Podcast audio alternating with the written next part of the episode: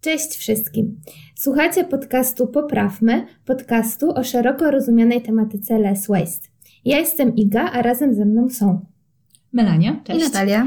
A także nasz gość, pani profesor Bożena Ryszawska. Dzień dobry.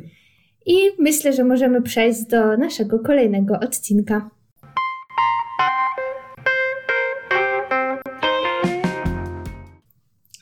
Pani profesor, może na początku jakby zechciała Pani e, przedstawić się naszym słuchaczom i powiedzieć po prostu kilka słów o sobie. Jestem pracownikiem uczelni od bardzo wielu lat, aż trudno mi zliczyć. Jestem wykładowcą wieloletnim. Moim obszarem e, zainteresowań jest e, problematyka zielonej transformacji gospodarki, także zielone finanse i szeroko rozumiany zrównoważony rozwój. A czym jest może dla Pani less waste? Tak w paru słowach? Y, less waste y, dla mnie jest y, decyzją o tym, żeby mniej kupować, mniej konsumować, mniej wrzucać i mniej marnować. Czyli raczej jest rodzajem postawy życiowej, w której ograniczamy swoją konsumpcję, swoje potrzeby w takim poczuciu no, przyzwoitości i odpowiedzialności za świat i za, za to, że prawdopodobnie inni konsumują mniej niż my. Ale oczywiście to jest też postawa związana z oszczędzaniem i z tym, że można wydać pieniądze na e, inne przyjemności. Ja też jeszcze jakbym mogła może dopytać troszkę, bo wiem, że Pani też y, jakieś takie inne działania, y, to znaczy oprócz jakby zainteresowania to mm, takiego, mm, jak to powiedzieć, e, uczelnianego, że tak powiem, chyba jeszcze jakieś inne działania y, prowadzi. Tak, jakby Pani mogła tak się tym trochę tak. też tak To znaczy ja podzielić. rzeczywiście mm, y, od, od, od y, wielu lat z racji też tematów zainteresowań naukowych interesuję się środowiskiem, klimatem, problematyką związaną z wszystkimi wyzwaniami właśnie takimi ekonomicznymi też dla, środowiskowymi dla, dla ekonomii, dla gospodarki. I w związku z tym no, angażuję się w różne działania, które sprawiają, że mogę oprócz tej części dydaktycznej i naukowej no, działać jakby społecznie, nie angażować się społecznie w to, co, co ważne. Więc mm, miałam szczęście brać udział w takim dużym projekcie europejskim Y, Pioneers into Practice, który był poświęcony y, właśnie zmianom klimatu i to był roczny program z warsztatami, wykładami, z całą taką, takim sposobem mm, rozumienia w ogóle klimatu i, i spraw środowiskowych. Więc to był taki mm, i, i, i kształceniowy, i warsztatowy, ale też stażowy, gdzie, gdzie musiałam odbyć staż tutaj w Polsce, we Wrocławiu, to było w Centrum Rozwiązań Systemowych. Oni się zajmują takimi grami, poważnymi grami dla Y, dla środowiska, do zrównoważonego rozwoju dla klimatu. I byłam przez miesiąc też w Ericssonie w Budapeszcie, gdzie też realizowałam takie projekty z pracownikami. I oni tam właśnie w Ericssonie w Budapeszcie mieli taki swój wewnętrzny green team właśnie, taki zespół, który wewnątrz korporacji robił zmiany, robił przeróżne działania, takie związane z rowerami, z jedzeniem w stołówce, z, z różnego typu współzawodnictwem w zakresie tam chodzenia po schodach na przykład i tak mhm. dalej. Ja wróciłam stamtąd i po powrocie stamtąd y, po pierwsze z innymi osobami z uczelni, które również skończyły ten trening y, właśnie klimatyczny w ramach tego programu Pioneers into Practice, myśmy się zebrali po prostu razem i Okazało się, że nadal coś chcemy robić, że chcemy coś robić praktycznie, że, że chcemy współdziałać z różnymi interesariuszami na uczelni i stąd pojawił się ten problem, y, y, pomysł Green Teamu, który był taką oddolną inicjatywą, która miała zmieniać kampus, ale też nas jednoczyć i nas y, wzajemnie wspierać jakby w tym, co, co myślimy o zmianie. Nie? Oprócz tego oczywiście przez, przez Green Team i przez, i przez różne moje kontakty, takie tutaj jeszcze lokalne z różnymi organizacjami ekologicznymi, weszłam w taki projekt, y, który się nazywa Climate Reality Project. To jest taki projekt, y, organizacja stworzona przez Alagora, byłego prezydenta, wiceprezydenta Stanów Zjednoczonych. I ten projekt też dokonuje zmian i na kampusach, i w ramach tego projektu, i namawia do przechodzenia na energię odnawialną i działania w tym zakresie. Więc po tym szkoleniu w 2018 roku by, myśmy stworzyli w Polsce taką sieć tych, tych klimatycznych liderów i, i w Polsce w kilku miastach są oni. Ja tutaj też jestem z panem profesorem Szymańskim. No i dlatego robimy taką edukację niezależnie z tego Climate Reality plus nasz Green Team, który robimy, który, w ramach którego robimy zmiany na uczelni. Jeszcze przy okazji się tam rozwinęły właśnie ta moja działalność taka mm, doradcza w, w zespole do spraw czystego powietrza i efektywności energetycznej przy panu prezydencie Sutryku tutaj we Wrocławiu. Jest jeszcze taki zespół też przy marszałku, marszałku dolnośląskim, też poświęcony właśnie smogowi i, i, i walce o czyste powietrze we Wrocławiu i tam robię za eksperta ze strony uczelni ekonomicznej, ze strony naszego uniwersytetu. Jestem pod ogromnym wrażeniem. Że nagle jest tyle działań, o tak. których się w sumie tak wiele jakby nie słyszy. Tak, ja się nawet no. bardzo cieszę z tego względu, że, że może po prostu studenci usłyszą o tym, jakie pani e, tutaj podejmuje mhm. działania, bo tego się tak, tak na co dzień właśnie nie, nie ma okazji usłyszeć.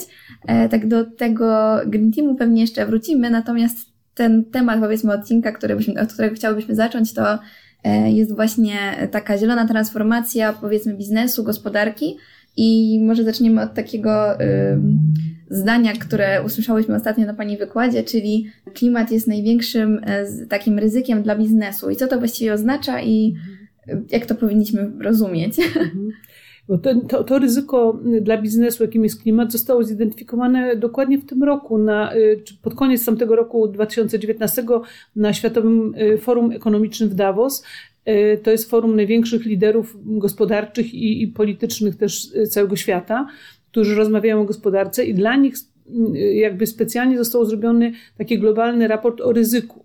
I y, zrobiło to bardzo wielu znanych ekspertów, y, bardzo duża grupa naukowców i wśród dziesięciu najważniejszych ryzyk y, dla biznesu w najbliższych latach Pięć dotyczy klimatu i środowiska, czyli, czyli to są ryzyka, które biznes musi brać pod uwagę, bo te ryzyka są różnorodnego, y, różnego rodzaju, bo to są ryzyka prawne, czyli konieczność na przykład ponoszenia jakiejś prawnej odpowiedzialności za niezauważenie problemu albo za zaniechanie jakiegoś działania. To są ryzyka finansowe, gdzie trzeba płacić po prostu kary albo, albo ponosić koszty za to, że się nie zapobiega, nie adoptuje do zmian klimatu to są różnego typu ryzyka społeczne, jakiejś tam nieakceptacji społecznej czy, czy utraconego wizerunku, pewnie też marketingowe, pewnie też związane z takim z taką postawą odpowiedzialną, bo jeżeli dzisiaj widzimy klimat jako zagrożenie, klim, znaczy zmiany klimatu jako zagrożenie i ono ma dotykać różnych sfer y, naszego życia i życia obywateli i gospodarki, no to biznes jakby nie może zostawać z boku, nie, nie może udawać, że jego to nie dotyczy. Nie? I taka etyczność biznesu oznacza, że oni stają jako współodpowiedzialni też za zapobieganie klimatom, za adaptację do zmian klimatu i też za, mm, za y, adaptację swoich biznesów jakby do tych wyzwań. Czyli myślę, że dla, dla biznesu w dużym stopniu jest to mm, sprawa finansowa i kosztowa i właśnie ponoszenia różnego typu kosztów na nieprzewidywalne, bo jeszcze zmiany klimatu w tym złożonym świecie, świecie, który się bardzo zmienia, Sama zmiana klimatu jest bardzo taką delikatną, złożoną y, procesem. My nie wiemy, w którym momencie tam jakaś kropla przeleje ten dzban i i ta nieprzewidywalność tego, co się może wydarzyć, właśnie musi być brana przez biznes pod uwagę i obecna w ich strategiach, w ich planach rozwojowych. I to jest jedna rzecz, unikanie tego ryzyka, pomniejszanie tego ryzyka, a z drugiej strony ewentualne korzyści, które może biznes mieć z tego powodu, czyli również branie pod uwagę tych wszystkich wyzwań klimatycznych, energetycznych, środowiskowych, powoduje, że biznes w jakichś tam obszarach może też oszczędzać pieniądze. Nie może zmniejszać y, zużycie surowców, może zmniejszać marnotrawstwo tych energii czy, czy surowców, może osiągać korzyści, czyli mieć profity, benefity finansowe, ale też w wizerunku, dlatego tylko, że bierze pod uwagę właśnie te zagrożenia i te ryzyka finansowe. No właśnie, a y, bo tutaj wspomniała Pani, że jest to trochę nieprzewidywalne w naszym świecie, jak ten klimat będzie się zmieniał i jak to może wpłynąć na biznes, ale jakby tak spojrzeć właśnie trochę szerzej, czy jesteśmy dzisiaj w stanie powiedzieć, czy w ogóle biznes i gospodarka jest gotowa na te zmiany klimatu, żeby właśnie jakoś się dostosować do tego, co się już dzieje? No to jest też bardzo trudne, y, żeby to ocenić. Wydaje mi się, że w ostatnich latach się dużo więcej dzieje, że na tych forach międzynarodowych i Organizacji Narodów Zjednoczonych i OECD i tam właśnie tych forach ekonomicznych i różnych instytucjach też dużych finansowych, bankach, coraz więcej mówi się o tym, że jest to problem i no biznes, jak wiadomo, chce przetrwać, chce być konkurencyjny, chce osiągać zyski, więc oni muszą e, myśleć o tym, jak przetrwać, jak zarabiać i nie dać się zaskoczyć. Nie? Także biznes ma taką dodatkową motywację, żeby rozpoznawać jakby te trendy, rozpoznawać zagrożenia. ale z tego, co wiemy ze złożoności tych zmian klimatycznych, które dotyczą i pogody, i katastrof, i powodzi, i y, no, skut, no nie wiem, skutków suszy, y, rolnictwa, y, wody, to są tak złożone procesy, że my w zasadzie mm, dlatego nie widzimy tych wszystkich powiązań i często bagatelizujemy jakby to zagrożenie. Nie? I dlatego to takie nadmiarowe czasem wy, uwypuklanie, jakby takie nadmiarowe straszenie, jak się dzisiaj mówi troszkę zmianami klimatu, jest potrzebne po to, żeby działać zawczasu, bo w pewnym momencie jest za późno. No tak jak mamy teraz mm, z epidemią y, koronawirusa w Polsce, że nasz rząd próbuje zapobiec temu, co się stało w innych krajach, czyli nie ma takiego wyraźnego zagrożenia, ale robimy wszystko, żeby do tego zagrożenia nie doszło. I z klimatem w pewnym sensie tak powinno być, że, że powinniśmy działać, działać dużo wcześniej. Ja myślę, że ta transformacja mm, e, e, zielona, ta transformacja gospodarki biznesu zachodzi. E, nawet jak część biznesu stawia opór, ponieważ Wskazują na to postawy konsumentów, ich popyt na nowe produkty, zmiana ich postaw, sposobu życia, czyli popyt tworzy podaż, więc dla tego popytu muszą się pojawić firmy, które zaoferują pewne nowe usługi, które się pojawiają. Po drugie, dostaliśmy dużo pieniędzy z funduszy europejskich na rozwój regionalny, czyli nasze gminy, powiaty, i miasta dostały pieniądze na różne inwestycje, ale w te pieniądze w latach 2014-2020 wpisane były kryteria y, gospodarki niskoemisyjnej, gospodarki efektywnej energetycznie. Więc wszystko, co gminy zrobiły, wydając te pieniądze, a to są dziesiątki miliardów euro, mm, musiało być niskoemisyjne, musiało transformować przynajmniej na poziomie inwestycji te, te regiony. I ja myślę, że My tego nie zauważamy, ale gdyby, jak, jeżeli nam się uda po tych siedmiu latach podsumować to, co się zdarzyło w regionach w kontekście tej transformacji zielonej, w samorządach, w biznesie lokalnym, w mm, zachowaniach różnych instytucji, to, to ta zmiana się po prostu mm, dokona, ona dokonała, ona jest faktem. Y, tylko, że musimy ją zobaczyć, bo ona była teraz taka rozproszona, działa się w różnych miejscach, ale ta gotowość biznesu jest. Na przykład polski biznes pracuje na rzecz niemieckich firm produkujących energię odnawialną i bardzo duża produkcja polskich małych i średnich przedsiębiorstw idzie na, na produkcję właśnie tych komponentów do paneli fotowoltaicznych czy na y, wiatraki. I teraz polscy przedsiębiorcy są gotowi wspierać tę transformację, tylko muszą jakby przekierować swoją aktywność z na przykład z niemieckiego czy jakiegoś europejskiego rynku na, na polski. Czyli w sumie już te zmiany jakby w sposobie funkcjonowania biznesu już są zauważalne i sumie już były jakby podkreślone. Mhm. Tak mi się mhm. wydaje.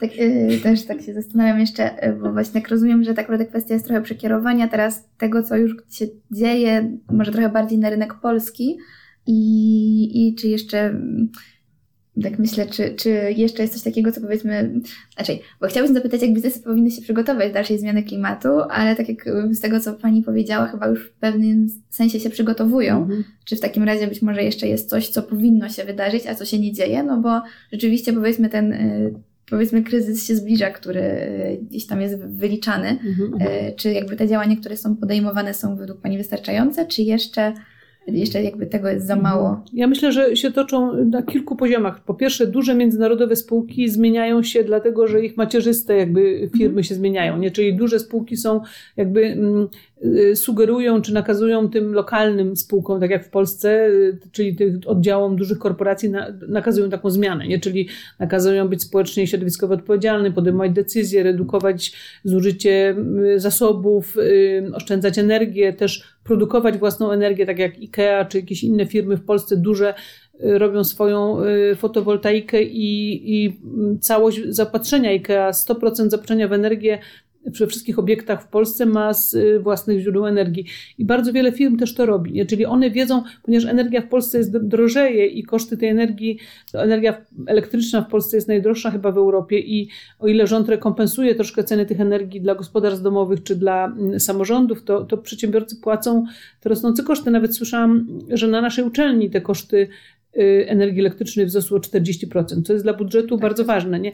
Więc jeżeli biznes wie, że może sobie wyprodukować własną energię, a dzisiaj już jest takie ustawodawstwo troszkę przyjazne bardziej, no to chociażby na swoje potrzeby będzie tą energię produkował. Produkując na swoje potrzeby, obniżając swoje koszty, no włącza się w tą transformację. Nie? Tak samo wielkie powodzenie tego programu Czyste Powietrze, czy teraz y, wrocławski program Kawka 2, który jest teraz programem na wymianę pieców. Jakby nie ludzie inwestują, wchodzą w to, ponieważ dostają bardzo wysokie dotacje, jest szansa, jeszcze mogą sobie odpisać coś tam od podatku, więc jakby mm, obywatele są za tym i jak tylko się ustawodawstwo zmieniło, to obywatele wchodzą w te inwestycje indywidualnie i, i, i dają tam swoje pieniądze.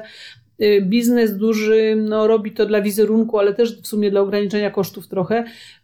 I mniejsze przedsiębiorstwa w różnym stopniu y, sobie kalkulują no, jakby tą opłacalność jakby tego. Nie? I myślę, że ta rewolucyjna zmiana, jeżeli chodzi o klimat, energię, która zaszła w ostatnich latach, to jest to, że inwestycje w zapobieganie zmianom klimatu i w ochronę środowiska zaczynają być źródłem przewagi konkurencyjnej, źródłem y, dochodów dodatkowych, redukcji kosztów, mm, dobrego wizerunku, a nie kosztem wyłącznie. Jeszcze kilka lat temu każdą z takich inwestycji w zapobieganie, w adaptację, y, w ograniczenie emisji uważano za koszt, który obniża konkurencyjność firmy, a dzisiaj jest to wielka szansa i ja w ogóle widzę tą transformację, że ona się toczy jak taka kula śniegowa, bo ona, bo ona po prostu się toczy na różnych poziomach, trochę pod presją Unii Europejskiej, trochę pod presją globalną, trochę pod presją właśnie lokalnych samorządów i regionów, trochę konsumenci i że to się zaczyna mm, no, rosnąć procentowo jakby i ta presja sprawia, że, że tego procesu się już nie da zatrzymać. Nie? Fajnie to słyszeć, bo tak takie fajne przykłady też Pani podaje, że mhm. naprawdę widać, że, że to się zaczęło dziać, że się dzieje i że właśnie zarówno idzie, idzie z różnych kierunków i że firmy przestają to widzieć jako koszt jedynie, a, a widzą w tym jakieś e, pozytywne skutki. To jest jakaś... A jeszcze co ciekawe właśnie, y, y, bo my zawsze mówiliśmy, że ta środowiskowa odpowiedzialność firm jest taka wymuszona trochę na mhm. nich. Nie, że one tak chcą raportować, żeby dobrze wyglądało, ale okazało się, że właśnie wasze pokolenie, pokolenie młodych ludzi, która przychodzi do firm, zrobiono badania na ten temat, że firma nie może istnieć bez młodych pracowników kreatywnych. Dzisiaj firma żyje na kapitale, na wiedzy, na kapitale ludzkim, na wiedzy. Tą wiedzę niosą młodzi pracownicy i to pokolenie, które wchodzi teraz, dla tego pokolenia bardzo ważne są takie wartości jak właśnie środowisko, problemy nierówności, klimat. W ogóle to, że firma bierze odpowiedzialność za swój wpływ na otoczenie w jakimkolwiek sensie społecznym czy środowiskowym. I się okazało, że ci młodzi absolwenci nie chcą przyjść do firm, które nie są etyczne w tym względzie, albo mów, piszą coś i mówią, ale nie robią. Nie? I były takie duże badania robione, które mówią, że firmy się zmieniają od środka dla swoich pracowników młodych, żeby ich zatrzymać, a nie tylko pod presją trendów zewnętrznych. Nie? I dlatego wydaje mi się, że ta rewolucja w środku w firmach jest robiona też właśnie przez młodych pracowników, którzy są, bez których firma nie istnieje, bez których ona nie tworzy wartości dodanej. A młodzi mają dzisiaj wybór, mogą pójść tu albo tam i idą tam, gdzie, gdzie firmy oferują y, jakby coś ekstra, takiego oprócz pracy kreatywnej, to jeszcze ten komfort, że y, praca w tej firmie jest zgodna z moimi wartościami na przykład. To jest bardzo ciekawa obserwacja. Tak, bo to też właśnie fajnie o tym słyszeć, bo my w sumie same z Natalią ostatnio się na ten temat też wypowiadałyśmy mhm. i że to też w sumie jest dla nas teraz coraz bardziej ważne. Tak, mhm. że rzeczywiście, że, że, widzimy jakby ten trend, że, rzeczywiście wśród osób młodych to wybrzmiewa, że jest to istotne i Y, fajnie, że firmy na to y, jakoś odpowiadają. Myśmy chcieli teraz zrobić y, na uczelni te targi pracy najnowsze. Mhm. Nie wiadomo, czy nam się udadzą, ale te targi pracy mm, miały być właśnie zielone i poprosiliśmy firmy, które szukają naszych absolwentów do pracy, poprosiliśmy firmy, żeby powiedziały, w jakim sensie one są atrakcyjne dla studentów pod względem tego, co robią na rzecz środowiska i na rzecz zrównoważonego rozwoju. I to było bardzo ciekawe, bo firmy są otwarte na to i chętnie to zaprezentują. Się okazuje, że nie chcą mówić tylko o tym, że mają fajną pracę i fajne stanowiska i fajną pensję, ale że również robimy to i to y, dla świata i dla środowiska, co też może być przyciągające jakby, nie, dla naszych absolwentów. I teraz Więc trzymajmy kciuki, żeby to się odbyło. No tak, żeby tak, mogli tak, nas przyciągnąć. Sytuacja się zmienia dra dramatycznie z dnia na dzień, także zobaczymy, jak się to potoczy. Ale rzeczywiście ten kierunek zmian widać. I tak teraz tutaj też chciałabym zadać takie pytanie, ale chyba ja sobie trochę pozwolę je y, w taki wniosek zmienić, czyli konsekwencją też tego niedostosowania się firm, y, tak z tego, co Pani tutaj mówi, wybrzmiewa, że tak naprawdę mogą po prostu stracić y, pracowników, mogą już nie być atrakcyjnym miejscem pracy i tym mogą, że tak powiem, przegrać na rynku. To, to też jest takie ciekawe, tak, zupełnie dokładnie. inne podejście. Tak się dzieje, bo dzisiaj kapitał, sam kapitał nie ma wartości sam w sobie, kapitał materialny, finansowy. Można mieć obiekty, ziemię i pieniądze, ale one nie, nie, z nich się nie da zrobić firmy. Dzisiaj na firmę trzeba mieć pomysł, mhm. nie? dzisiaj musi, musi być coś właśnie innowacyjnego, kreatywnego i firmy jakby mając kapitał ten materialny, są bezradne, nie mając kapitału ludzkiego. Nie? I, I właśnie jeszcze bardziej niż kiedykolwiek te firmy opierają się właśnie na, na wartości, na kreatywności pracowników młodych i w zasadzie dzisiaj biznes to jest właśnie taki biznes, który się coraz dostosowuje do zmiany, ciągle oferuje nowe produkty, ciągle te produkty konsultuje z y, klientami, też z pracownikami i i on musi być gotowy do zmian, czyli musi mieć ten komponent y, ludzki taki elastyczny, zmieniający się, odczytujący sygnały z, z rynku i od konsumentów. I, no, i to są ci właśnie młodzi pracownicy, którzy to robią. Nie? też pokazuje y, znowu to, co już gdzieś tam podkreślałyśmy kilkukrotnie, że y, właśnie takie pojedyncze działania pojedynczych ludzi i świadome wybory dają zmiany tak naprawdę. Zarówno w miejscu pracy, czy, czy wybór miejsca pracy, czy wybór właśnie na zakupach jakiegoś no, no. produktu. Mhm. On jednak wpływa i firmy to widzą i jakby mhm. no właśnie, no dlatego, na podstawie naszych wyborów też trochę kształtujemy. Adaptują, no bo popyt podaż, nie? Jak, jak się pojawia teraz wielki popyt na wegetariańską żywność czy wegańską, to kilka lat temu tego rynku nie było. Dzisiaj duże sieci, a dzisiaj duże sieci wszystkie oferują y, te produkty i dlatego je oferują, że jakiś popyt jest na nie. I to są miliardowe, miliardowej wartości te rynki już y, produktów wegańskich, na przykład w Polsce. Nie? Także ja jestem zaskoczona, bo ja ten rynek obserwuję od lat i i to, jak teraz się to zmienia, jak się rozwija, to jest dla mnie szokujące. W każdej żabce można już dostać całe, całe ściany produktów, no już nie mówiąc o tych tam dużych sieciach typu Lidl, Biedronka i tak dalej. Także w zasadzie dzisiaj wychodzimy z domu za rogiem, wszędzie możemy kupić dobrej jakości produkty wegańskie czy wegetariańskie. To jest bardzo duża zmiana, moim zdaniem, taka rewolucyjna. Nie? Tak. tutaj jest pokazany ten aspekt ekonomiczny, jak po prostu już się jakby kształtuje. Mm -hmm. Właśnie też jest ważny jeszcze taki, taki jeden element, że na przykład to, co mnie zaskoczyło ostatnio, jak przyglądałam się pokoleniu Z, charakterystyce tego pokolenia Z, to tam też wyszło w badaniach, że dla pokolenia Z bardzo ważną sprawą są nierówności jakby, nie? I że, i że y, nierówności w wszelkim sensie, ekonomiczne, dochodowe, y, nierówności społeczne, jakieś takie właśnie różne dyskryminacje ludzi na jakimś tle. Dlaczego o tym mówię, że że mm, przez to, że te nierówności dzisiaj bardzo mocno się ujawniają na rynku i w gospodarce, y, że świat się dzieli na tych, którzy są coraz bardziej bogaci i tych, co są biedni, y, i że dotychczasowa gospodarka, ten model gospodarki rynkowej nie proponuje rozwiązań tutaj. Nie? Niektórzy mówią, że model gospodarki rynkowej utrwala nierówności, na przykład nierówności dochodowe. To mm, też zaczyna to być ważne dla młodych bardzo mocno i i dlatego się pojawia też krytyka, jakby nie krytyka kapitalizmu, krytyka y, modelu rynkowego, liberalnego jako jedynego y, możliwego. Nie? A my dzisiaj uważamy, że racjonalnie myślący ludzie, no absolwenci jeszcze uczelni ekonomicznej, no to koniecznie muszą być za modelem rynkowym i w ogóle nie proponujemy studentom i nie pokazujemy, że są możliwe inne y, modele, które w lepszy sposób, bardziej zrównoważony, na przykład środowiskowo albo bardziej zrównoważony społecznie, niwelują te nierówności. czyli dzisiaj się tak mocno akcentuje i to wybrzmiewa mocno to, co, co Naomi Klein napisała książkę Climate, Capitalism and Climate Change, nie? czyli jak, jak kapitalizm poprzez model gospodarki opartej na wzroście buduje, tworzy zmiany klimatu, ale też jak kapitalizm tworzy nierówności i się może okazać, jak się rozejrzymy dookoła, że ten model rynkowy, liberalny, kapitalistyczny tworzy bardzo wiele tych problemów, które dzisiaj mamy. Nie? Więc przynajmniej wypada o tym podyskutować, przynajmniej wypada jakby y, troszkę zakwestionować jakby jego uniwersalność, nie? bo inaczej to, no to jakby utkniemy w jednym sposobie myślenia, w jakimś boksie, który niczego nie wyjaśnia i niczego nie rozwiązuje. Dlatego ja też ubolewam, że, że za mało tego typu alternatywnych koncepcji ekonomicznych jest w programach nauczania uczelni ekonomicznych. Nie? Tak, to jest bardzo ważny wniosek, bo tu też wchodzimy w taką e, rolę właśnie kształcenia i właśnie tych środowisk uczelnianych, jak to jest ważne, żeby otwierać perspektywę ludziom, którzy dopiero wchodzą na ten rynek pracy i od których może potem też zależeć ta zmiana. Dokładnie, dokładnie. Dlatego ja y, uważam, no, zawsze uczelnie pretendowały do bycia liderami takimi intelektualnymi państwach, w krajach, w Polsce, że te uczelnie są te, to pierwsze, to które uczą o nowych rzeczach, które rozpoznają te nowe, nowe, nowe perspektywy. A chyba tak się nie dzieje do końca. Chyba nie do końca nadążamy jakby z rozpoznawaniem tych, tych trendów, nie do końca nadążamy z identyfikowaniem tych najważniejszych wyzwań. Nie do końca jesteśmy krytyczni, jeżeli chodzi o ten model y, ekonomiczny, o którym uczymy studentów. I, no i to nie jest dobrze. Nie? Ja myślę, że dwie rzeczy się zdadzą. Albo absolwenci pójdą do biznesu teraz i no i sami się w biznesie zetkną z nowymi, zetkną z nowymi ideami i będą y, do nich się, no będą musiały się do nich zaadoptować, zdziwić się może trochę i, i zaskoczyć, ale potem jakoś zobaczyć, że jest możliwe inne podejście.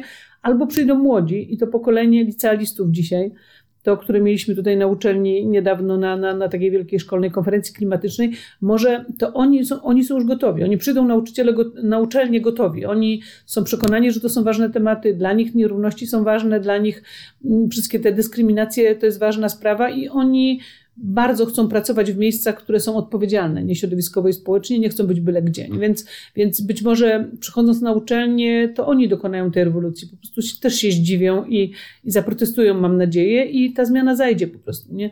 Bo samo liczenie na to, że przez autorefleksję pracownicy i wykładowcy dojdą do wniosku, że coś trzeba zmienić, to jeszcze trochę potrwa, nie? Jasne. A my potrzebujemy jeszcze, szybko. Jeszcze brakuje troszkę jakichś takich bardziej już systemowych, większych zmian. Y, jeszcze właśnie chciałam zapytać, bo tak też jakby rozumiem, że też trochę pewnych rzeczy brakuje i tutaj widzimy jakieś braki, natomiast też w pewnym y, sensie tutaj jakieś są też podejmowane takie powiedzmy pozytywne inicjatywy, jak właśnie Green Team między innymi. Y, jakby Pani też mogła o tym więcej powiedzieć i, i też jakieś takie może jeżeli są, a myślę, że kilka jest dobrych praktyk, bo chyba mhm, mhm. coś już tak powoli powiedzmy ruszyło i, i mhm. wydaje mi się, że powoli się zmienia. Tak, ja osobiście uważam tak po czasie, że Green Team, który powstał jako taka oddolna inicjatywa chyba w 2017 roku, właśnie wśród tych ludzi, którzy przeszli ten trening taki właśnie klimatyczno-energetyczny w ramach tego projektu europejskiego, że, że Green Team jest taką oddolną, jakby trochę innowacją społeczną, trochę takim innowacyjnym, oddolnym ruchem niezgody, trochę ruchem nieposłuszeństwa, trochę też ruchem, ruchem takiej rebelii. Nam zależy na zmianie, zmianie myślenia, zaistnieniu tych treści środowiskowych, klimatycznych na uczelni ekonomicznej, bo to jest ważne. Zależy nam na tym, żeby uczelnia się wobec tych tematów odniosła, żeby nie była taka neutralna. I chcemy, żeby uczelnia się też zmieniła, żeby ona sama jako instytucja była po prostu y, przyjazna, jakby tym, tym zapobiegała zmianom klimatu, mniej emitowała dwutlenku węgla, mniej zużywała energii, no i uczyła poprzez praktykę i organizację uczelni, przez praktykę y, y, administracyjną, żeby uczyła studentów też tej zmiany. Oczywiście ta zmiana powinna być też obecna w programach nauczania i no oczywiście w różnego typu aktywnościach wspólnych pracowników i studentów. Razem jesteśmy społecznością na jednym kampusie, tu się dużo rzeczy dzieje i, i warto to robić razem.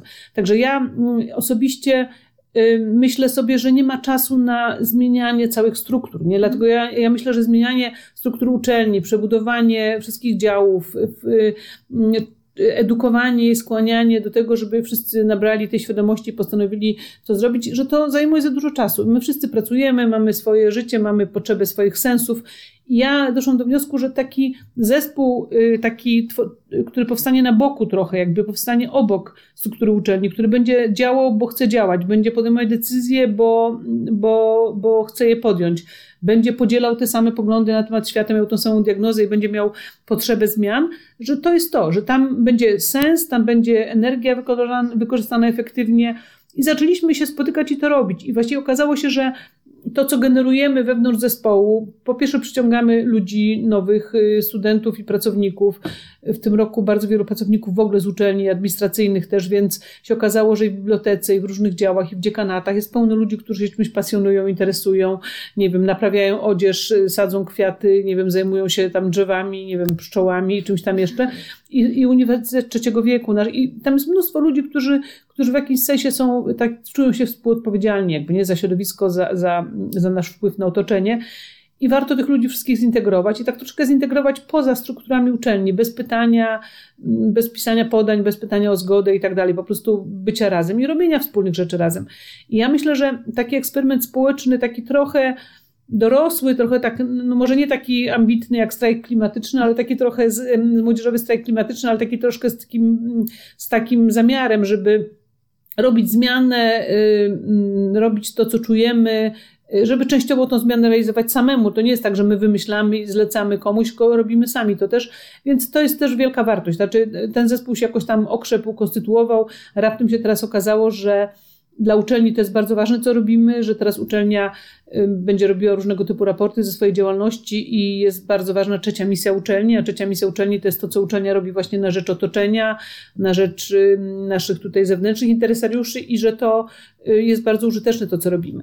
A to, co robimy, to są małe rzeczy. No, inicjujemy po prostu małe działania, y, wchodzimy w porozumienia z różnymi organizacjami, y, lobujemy na rzecz dobrych rozwiązań, więc pracujemy z administracją, lobujemy na rzecz właśnie energii odnawialnej, na rzecz efektywności energetycznej budynków. Próbujemy tworzyć projekt właśnie lepszego zagospodarowania śmieci na kampusie. Dzięki naszym inicjatywom udało się tam na razie tylko dwa, ale mamy źródełka z wodą, takie z wodą y, y, kranową, więc, ale, ale zaadaptowaną, więc jakby możemy zlikwidować część plastiku na uczelni, zależałoby na, nam na tym. Jest dużo planów w ogóle dotyczących polityki środowiskowej uczelni, zagospodarowania właśnie kampusu od strony zielonej, również jakichś jeszcze, jeszcze działań takich y, też społecznych w sumie, bo nie tylko tych takich typowo środowiskowych, ale także takich społecznych, że, że typu y, wolontariat pracowniczy, żeby robić coś, coś na rzecz innych zbiorowo, my jako pracownicy, a nie tylko no to, co robimy indywidualnie czasem. Także widzę, że, że bardzo wielu ludziom y, bardzo wielu ludzi jakby garnie się do tego projektu. Ten projekt jest cały czas taki nieformalny, trochę taki bardzo otwarty, mm, ale też akceptowany przez uczelnie, popierany przez uczelnie i, mm, i myślę, że takim przyszłym celem to jest to, żeby połączyć bardzo różne grupy na uczelni, y, współpracujące Centrum Współpracy z Biznesem, Centrum Promocji, nasz Incube, czyli y, inkubator przedsiębiorczości, żeby te wszystkie inicjatywy połączyć i stworzyć na uczelni takie, mm, to co się za granicą nazywa living labem, czyli takim żywym laboratorium, czyli miejscem, gdzie kampus jest żywym miejscem, jakby gdzie ludzie zostają, gdzie, gdzie są po południu, gdzie robią coś razem, gdzie realizują projekty, gdzie te projekty wchodzą na zajęcia, a potem z tych zajęć wychodzą i na przykład są implementowane na, na kampusie. Także no, takie fajne, żywe miejsce, gdzie nie tylko wpadamy, zaliczamy wykład i wypadamy, tylko coś nas trzyma tutaj jeszcze, na przykład y, jakiś taki sens. Nie? Ja, ja myślę, że że, że przy dużej ilości zajęć y, to moje zaangażowanie w działania Green Teamu jest związane z takim potrzebą, ciągłą potrzebą budowania sensu, no istnienia, bycia tutaj, sensu jakiejś takiej właśnie bycia częścią świata, odpowiadania na, na, na, to, na te wyzwania, które świat niesie. I ja tego osobiście potrzebuję. Widzę, że pewnie wielu ludzi, którzy współpracują ze mną, też tego potrzebują. Nie?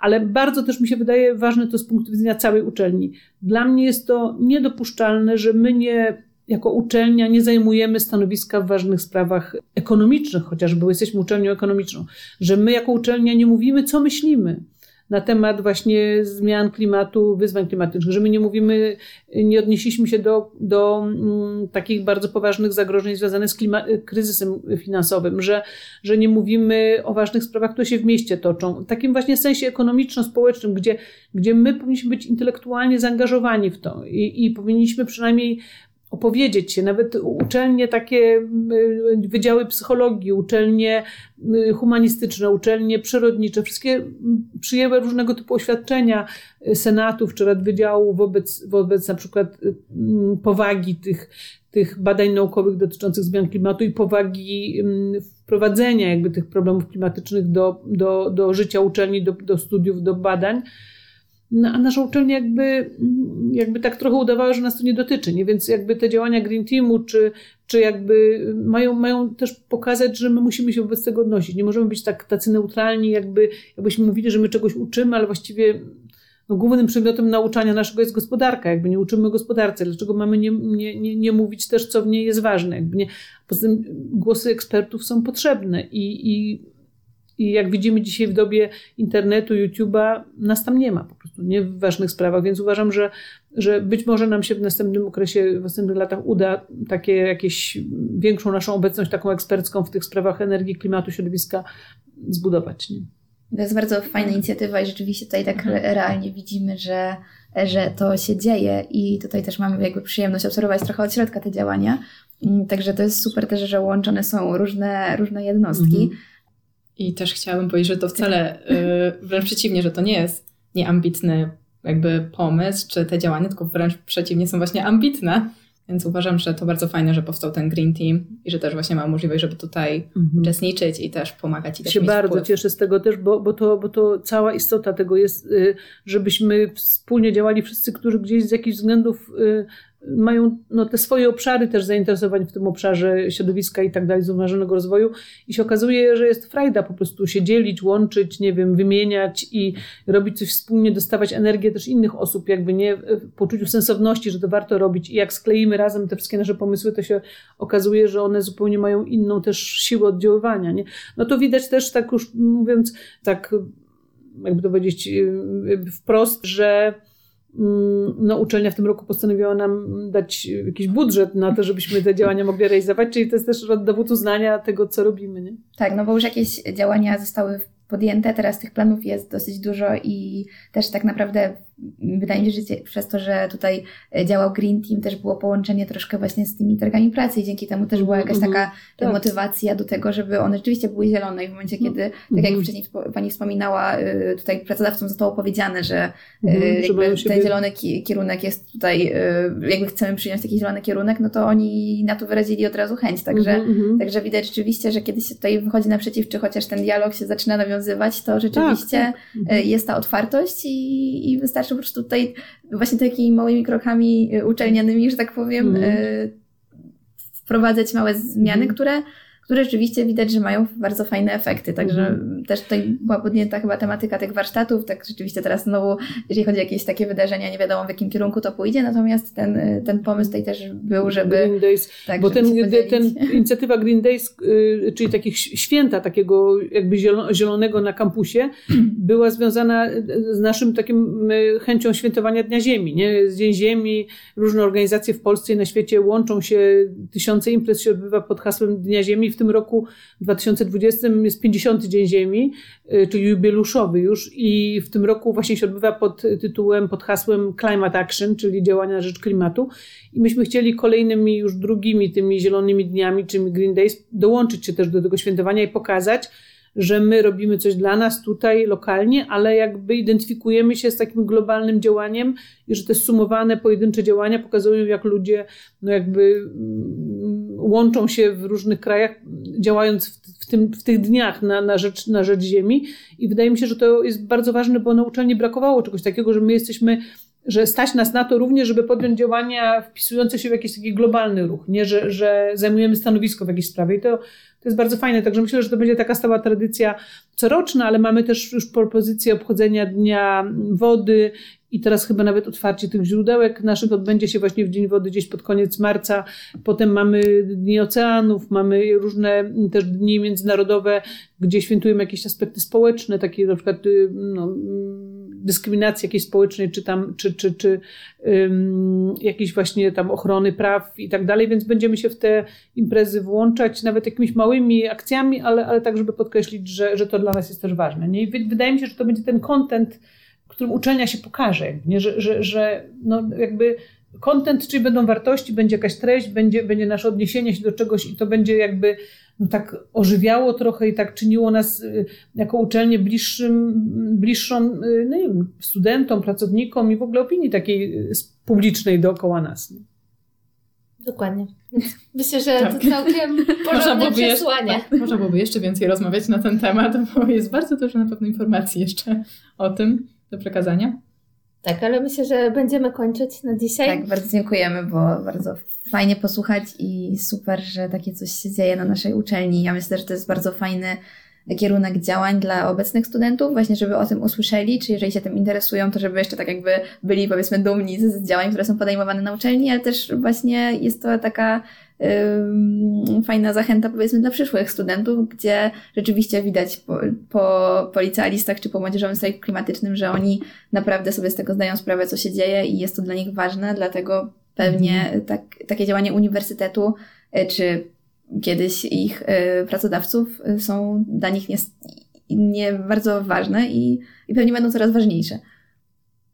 Super. Ja życzę Wam, żeby Wasz projekt się rozwijał, bo tak dużo takich projektów y, pojedynczych to naprawdę tworzy fajną taką synergię taką wartość dodaną i, i, i naprawdę to, co oddolne ma, ma wartość i, i jakby tworzy świat, także warto takie rzeczy podtrzymywać. Tak życzę Wam sukcesów na tej drodze. Dziękujemy bardzo. bardzo. Dziękujemy. Dobrze, to jeszcze tylko słowem podsumowania. Standardowo przypomnę, że możecie nas znaleźć na naszej stronie internetowej e, poprawmy.pl, na Facebooku, gdzie również prowadzimy grupę, na Instagramie, a naszego podcastu możecie słuchać na YouTubie, w aplikacjach podcastowych, na Spotify i iTunes.